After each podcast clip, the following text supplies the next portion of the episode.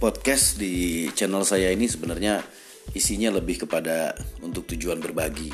Jadi bukan untuk menggurui. Uh, saya percaya bahwa uh, di luar sana juga masih banyak orang-orang yang uh, banyak yang lebih pintar dari saya mengenai event. Uh, saya berbagi atas dasar uh, pengalaman ya yang sudah saya lewati lumayan cukup lama yang mudah-mudahan ini bisa bermanfaat buat siapa saja yang mendengarkan gitu. See you at my channel.